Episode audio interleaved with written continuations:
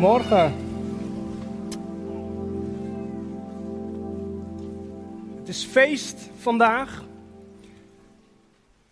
En ehm ik hoor één iemand woe roepen.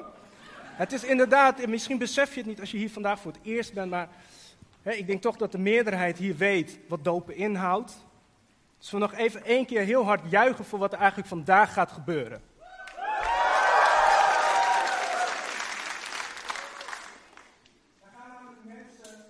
Hun eigen leven afleggen in geloof dat zij weer gaan opstaan in de opstandingskracht van Jezus. En dat is niet zomaar iets. Dat is iets heel erg bijzonders. Maar tegelijkertijd is dat misschien ook heel raar als je dat uitlegt aan vrienden, collega's, familieleden die Jezus helemaal niet kennen. Dingen als sterven in een watergraf, opstaan in de kracht van Jezus, vervuld worden met Heilige Geest. Wat? Ik kan me wel voorstellen dat voor niet-gelovigen dat hele, allemaal hele rare termen zijn. Hopelijk ga ik het straks proberen zo goed mogelijk uit te leggen. Maar wat ik het allermeeste hoop is dat ik ook iets kan meegeven over van, maar wat is nou datgene wat waarschijnlijk zo ontzettend hard aan die harten heeft getrokken van alle mensen die zich gaan laten dopen. Het thema is eigenlijk radicaal achter Jezus aan. Radicaal liefhebben. Liefde boven alles. En ik heb daar nogal wat lange Bijbelstukken bij, dus ik duik er eigenlijk gewoon even meteen in. Lees met me mee als je wil meelezen. Ik weet eigenlijk niet of het ook op de beamer komt, maar als je een Bijbel bij je hebt of een app op je telefoon, lees mee en anders kan het misschien uh, op het scherm. En even om de context te schetsen. Jezus die legt eigenlijk aan een groep mensen uit wat nou echt radicale liefde is, volgens hem. Liefde volgens het koninkrijk van zijn vader, God de Vader. En hoe hij dat doet is eigenlijk om eerst te laten zien, dit was de wet. Die was al vrij radicaal. Maar geloof mij, als je echt wil liefhebben, gaan we nog een stukje verder. En hij zegt in Matthäus 5, vers 38, en we lezen door tot met 48. Jullie hebben gehoord dat gezegd werd, een oog voor een oog en een tand voor een tand. En ik zeg jullie niet te verzetten tegen wie kwaad doet, maar wie je op de rechterwang slaat, ook de linkerwang toe te keren. Als iemand een proces tegen je wil voeren en je onderkleed van je wil afnemen, sta hem dan ook je bovenkleed af. En als iemand je dwingt één mijl met hem mee te gaan, loop er dan twee met hem op. Geef aan wie iets van je vraagt en keer je niet af van wie geld van je wil lenen. Jullie hebben gehoord dat gezegd werd: je moet je naaste lief hebben en je vijand haten. Maar ik zeg jullie, heb je vijanden lief en bid voor wie jullie vervolgen. Alleen dan zijn jullie werkelijk kinderen van je Vader in de hemel. Hij laat zijn zon immers opgaan over goede en slechte mensen en laat het regenen over rechtvaardigen en onrechtvaardigen. Is het een verdienste als je lief hebt wie jou lief heeft? Doen de tollenaars niet net zo? En als jullie alleen je broeders en zusters vriendelijk bejegenen, wat voor uitzonderlijks doe je dan? Doen de heidenen niet net zo? Wees dus volmaakt, zoals jullie hemelse Vader volmaakt is. En in deze context zegt Jezus dus eigenlijk: Ik wil dat jullie volmaakt zijn. Perfect zijn. Het doen zoals God de Vader, zoals ik het van jullie vraag. En dat is dus niet lief zijn voor de mensen om je heen. Lief zijn voor de mensen alleen die je lief hebt, maar ook de mensen die jou iets verkeerds hebben aangedaan. Mensen die totaal tegenover jou staan qua meningen, filosofieën. Mensen die soms tegen jou ingaan op de werkvloer, je klein laten voelen. Allerlei personen die nu misschien door je hoofd heen schieten, waarvan je weet, ja, ik weet eigenlijk donders goed waar je het over hebt. Stop maar, ik heb wel een voorbeeld. Daar moet je ook van houden. Nou, ik vind dat nogal wat. Ik strek me er wel naar uit, daar niet van. Ik ga dit niet ontkrachten. Ik geloof hier heilig in. Maar ik vind het nogal wat, namelijk, want vanuit het vlees vind ik dit soms ontzettend moeilijk.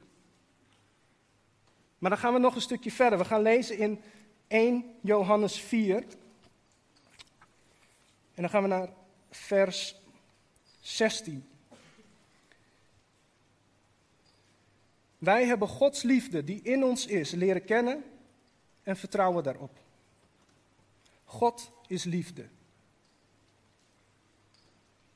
God is liefde. Onthoud dat even goed.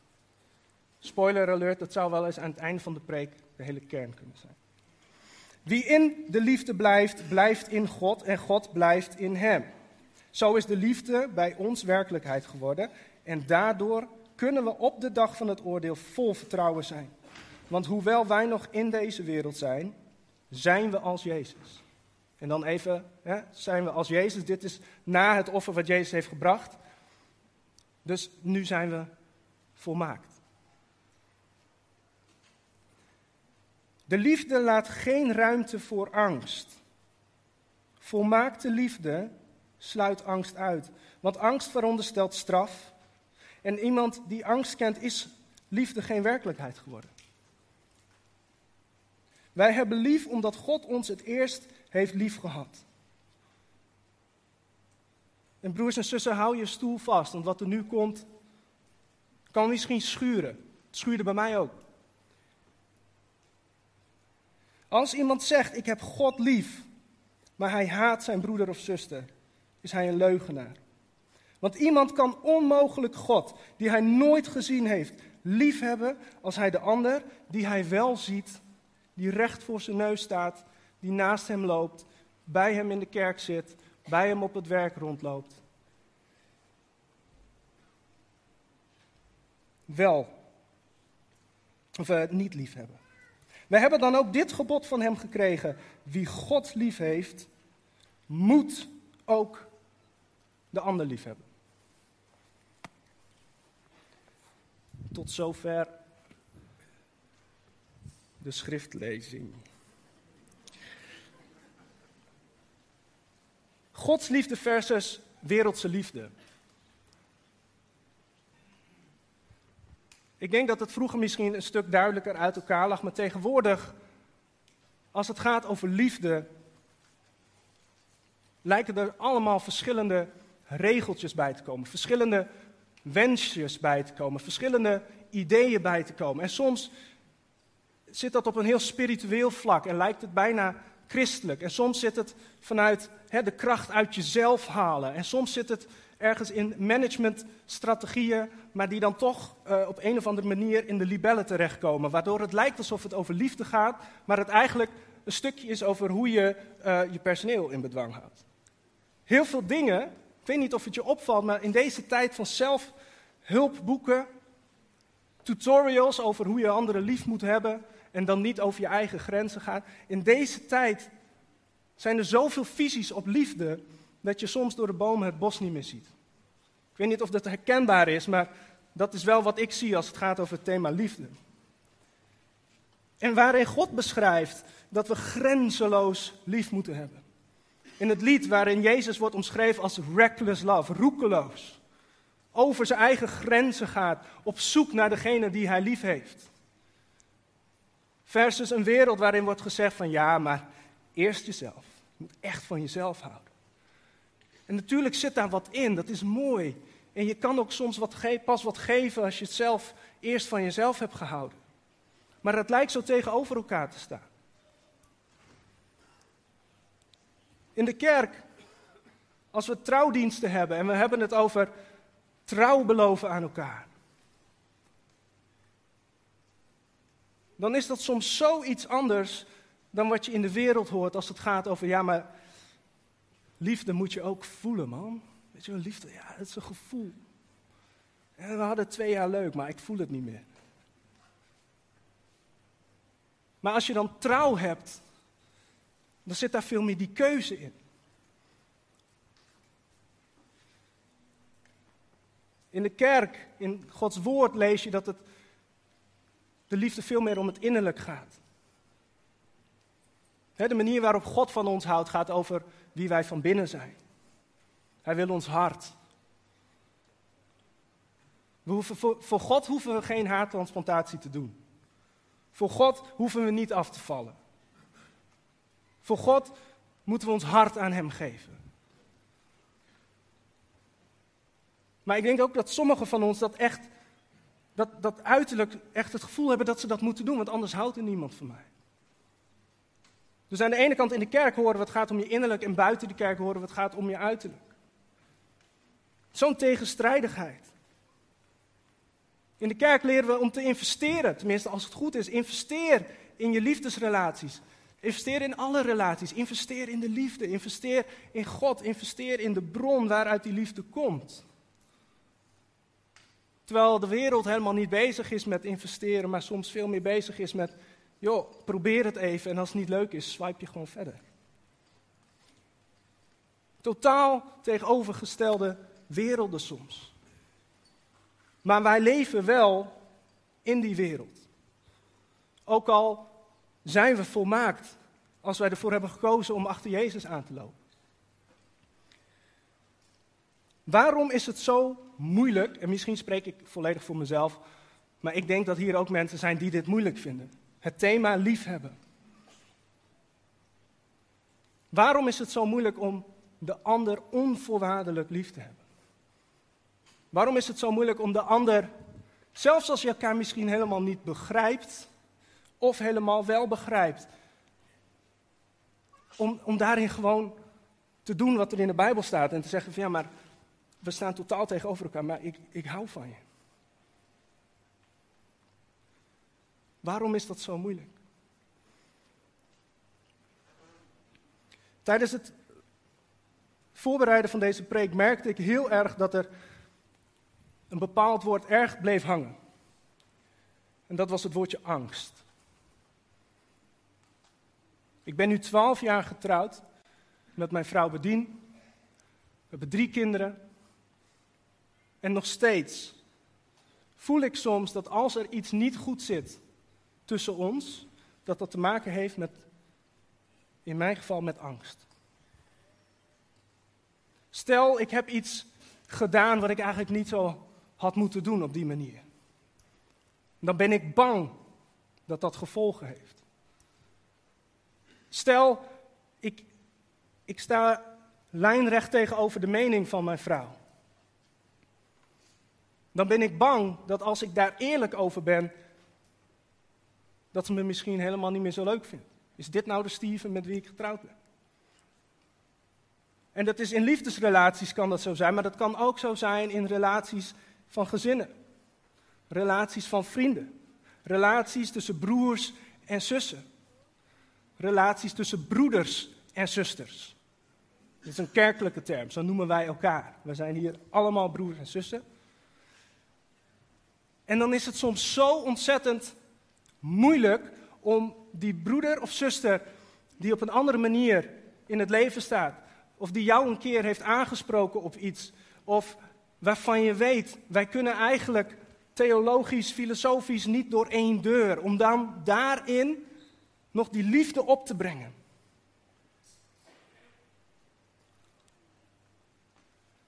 En meestal komt dat voort vanuit angst. Maar ook als je niet tegenover elkaar staat. Het kan ook zijn dat je gewoon bang bent voor waar het naartoe gaat met deze wereld. Angst voor de toekomst. Angst dat we met de samenleving de verkeerde kant op glijden. En angst is iets wat ontzettend kan belemmeren. En angst, ik ga niet weg hoor, ik moet even iets pakken. Dat je niet denkt, wat gaat hij nou weer doen?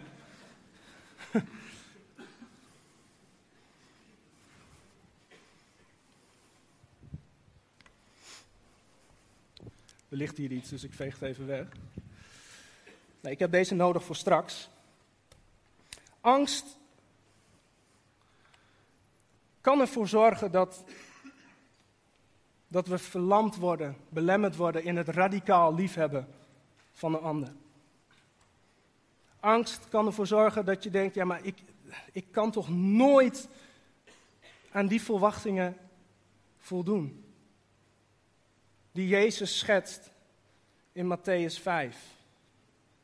Die Johannes schetst in 1 Johannes 4. Ik kan toch nooit zo radicaal, onvoorwaardelijk, mezelf volledig wegcijferend liefhebben. Radicaal liefhebben is niet het navolgen van radicale liefdesregels. Ik zeg nog een keer: radicaal liefhebben is niet het navolgen van radicale liefdesregels. Ik geloof dat volgen van iemand die radicale liefde is, ons in staat stelt om radicaal lief te hebben. Onvoorwaardelijk. Ik zeg nog één keer: het gaat niet om de radicale regels van liefde volgen. Het gaat om het volgen van diegene die radicaal liefde is, in persoon. En ik wil eigenlijk ergens, voordat ik naar mijn voorbeeld ga, mijn excuses aanbieden voor dat ik vast ook hier wel eens een keer op het podium heb gezegd: van hè, het is, hè, je mag ook bang zijn. Het is goed om bang te zijn. En misschien was dat hè, het, de humanist in mij die zegt van ja, hè, maar als mens, hè, het zit toch ook een beetje biologisch, zit dat zo in elkaar. Angst zorgen voor dat je weet of je wel of niet een bepaalde steeg in moet lopen. Maar als het gaat op het gebied van liefde, denk ik, oké, maar als wij Jezus dan als voorbeeld moeten nemen, hoe moeten wij dan lief hebben? En hoe moeten wij dan moeten we, dan mogen wij dus niet bang zijn. Dan mogen wij dus niet angstig zijn om in die relatie te stappen. Dan mogen wij niet angstig zijn om dat ons leven, als wij wel toegeven dat we fout zaten, als we wel de ander erkenning geven, met gevolgen voor ons, dat we die angsten wegleggen. En dan zegt, dan wil ik eigenlijk zeggen, ik heb altijd gezegd van Jezus is ook bang geweest. Dat was ook zo. Jezus is ook angstig geweest. Maar ik ben alle verhalen van Jezus bij langs gegaan. En toen dacht ik, hij is eigenlijk helemaal nooit bang geweest. Stormen heeft hij gekalmeerd. Bezeten mensen die met, met allerlei bombardie en, en, demonische macht op hem afkwamen, die stuurde hij gewoon op, wegwezen. Hij stond boven alles, maar toch is hij één keer bang geweest. Eén keer. En dat was toen hij wist dat hij aan het kruis zou gaan. En Jezus was daarin die situatie zo bang, zo intens bang, dat het bloed uit zijn huid zweette. En dat was niet omdat Jezus bang was voor de pijn. Dat was niet omdat Jezus bang was voor de situatie of wat mensen van hem zouden denken. Want hij was ook in hele andere benarde situaties geweest. Maar Jezus wist, als ik straks aan het kruis hang, is er één ding wat ik nooit, maar dan ook nooit zou willen meemaken. En dat is dat ik moet zeggen, Vader God, waarom heeft u mij verlaten? Er was maar één angst die Jezus had en dat was zonder God verder moeten. En Jezus die heeft zijn leven gegeven, staat er in de Bijbel. En dat is wat wij geloven. Dat is wat de dopelingen geloven. Jezus heeft zijn leven gegeven. Zodat de kloof die er was ontstaan tussen mens en God volledig weer dicht zou gaan. En wij bij God konden komen. En dat wij volmaakt zouden zijn. Maar daarvoor moest Jezus al onze zonden, al onze smurrie, al onze smerigheid, al onze angst, al onze fouten op zich nemen. En als straf ervaren hoe het was als God volledig zijn gezicht de andere kant op draait. Dat was Jezus zijn grootste angst. Maar hij heeft het gedaan zodat wij nooit en te nimmer meer die angst hoeven te hebben. En dat is de angst waar hier over wordt gesproken. Als jij ten diepste beseft dat God jou nooit zal verlaten. Jezus jou nooit zal verlaten. De Heilige Geest jou niet zal verlaten. Dat je daar nooit meer bang voor hoeft te zijn. Dan is dat boven elke andere angst. Dat verdrijft elke angst. En dan ben je in staat om aan alle liefdesvoorwaarden te voldoen. Dat geloof ik oprecht. Ik ga afronden, want ik ben heel enthousiast en ik kan nog tien minuten doorgaan. Maar deze dienst duurt al wat langer, dus ik rond af. Ik ga naar mijn voorbeeld. Ik heb hier een bezem. En deze bezem staat symbool voor ons leven en alle liefdesrelaties die daarin zitten. Wat raar, denk je? Ik snap hem nog niet helemaal. Nou, als het goed is, gaan we daar komen. Ik geloof dat heel veel mensen de angst hebben van: oké, ik, ik, ik wil me zo graag houden aan alles wat God zegt. Ik wil zo graag lief hebben naar de mensen om mij heen. Maar als ik, als ik op die manier lief heb, dan, dan, dan lever ik ook zo'n groot stuk van mezelf in. En dit staat eigenlijk symbool voor je leven wat je graag recht wil houden, in balans. Alleen het probleem is, als jij hier gewoon puur objectief naar kijkt, dan denk je, oh, dit is het midden. Dit is het focus. Zo, als ik hierop focus in mijn liefdesleven, hierop focus in mijn manier hoe ik met de mensen om me heen ga, dan hou ik mijn leven in balans. Dan zorg ik ervoor dat de wereld, mijn wereld, niet door de vingers glipt. En wat je dan krijgt is dat, dat je zoekt het middelpunt op. Oké, waar moet ik me op focussen in het leven? Maar dat, het middelpunt voor jou is soms niet het middelpunt van je leven. Snappen jullie mij? Misschien denk je dan, oké, oké, ik, ik wil graag mijn leven in balans houden, maar ik moet de focus misschien wat meer leggen op mijn verleden, want ik heb daar zo'n zware last van meegekregen. Ik moet focussen op, op wat meer zelfliefde. Ik moet hier naartoe. Hier moet ik wat meer focus op leggen, want, want daar is het zwaartepunt. Dus waarschijnlijk moet ik daarheen. Dus je gokt wat van, oké, misschien moet ik, ik moet daarop focussen. Aan mezelf werken. En hij valt weer uit je hand. Misschien heb je een, een, een conflict met iemand. En die staat helemaal aan de andere kant en jij staat hier. En je denkt van ja, maar als ik te veel toegeef, dan lever ik te veel van mezelf in. Dus ik, ik wil daar wel naartoe, maar ook weer niet te ver. En wat je ook probeert, je komt er niet. Op eigen kracht. En ik geloof dat Jezus zegt: als jij wil liefhebben, volmaakt liefhebben zoals ik lief had, dan moet jij niet zelf zoeken naar het middelpunt van de liefde of het middelpunt in jouw leven. Dan moet jij naar mij toekomen dan moet jij mij elke dag opnieuw aanroepen, opzoeken, met mij in gebed gaan. Zoek naar mij. Vouw je handen samen. Breng je handen naar elkaar toe. Voor de natuurkundigen onder ons, die weten nu wat er gebeurt. Dat op de plek waar meer weerstand is, waar meer gewicht is, daar is meer wrijving, waardoor die hand, terwijl ik evenveel kracht zet, niet zo ver opschuift. En ik geloof dat Jezus ook zegt: Oké, misschien ben jij op de plek waar zoveel weerstand is dat jij niet naar me toe kan rennen, maar blijf in ieder geval mij zoeken. Kom naar mij toe. Ik zoek jou ook op. Ik kom van de andere kant. Ik zoek jou op in het midden. Ik zoek jou op de plek waar jij helemaal niet weet dat ik daar jou wil zoeken. Maar als je mij zoekt, dan kom je in het midden. Vouw je handen, elke dag weer. Kom in het midden. En als je mij oprecht zoekt in dat midden, je handen vouwt, dag in dag uit, dan is dat het middelpunt. Daar hoef je geen moeite voor te doen. Ik ben erbij, ik kom naar jou, jij komt naar mij. Elke dag opnieuw. En dit is zo stevig, dit is zo in balans. Je kan zelfs dansen, want het is leuk. Het is leuk om Jezus in het midden te vinden.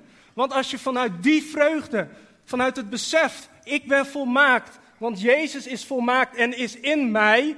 Ik kan zelfs spreken zo in dit middelpunt, omdat Jezus erbij is. Ik ben samen met Jezus. Snappen jullie mijn punt? Amen.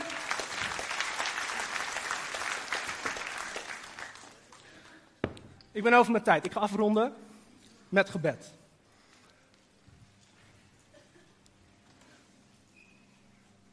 Liefdevolle Vader, dank u wel dat wij ons hart elke dag opnieuw aan u mogen geven. Dat wij mogen beseffen dat volmaakt liefhebben van onze broers en zussen, volmaakt liefhebben van de mensen om ons heen, onze relatie, onze gezinnen. Iets zo ontzettend moois en kostbaars is, maar soms ook zo moeilijk. Heer, en ik bid u, Heer, voor een ieder die hier in deze zaal zit.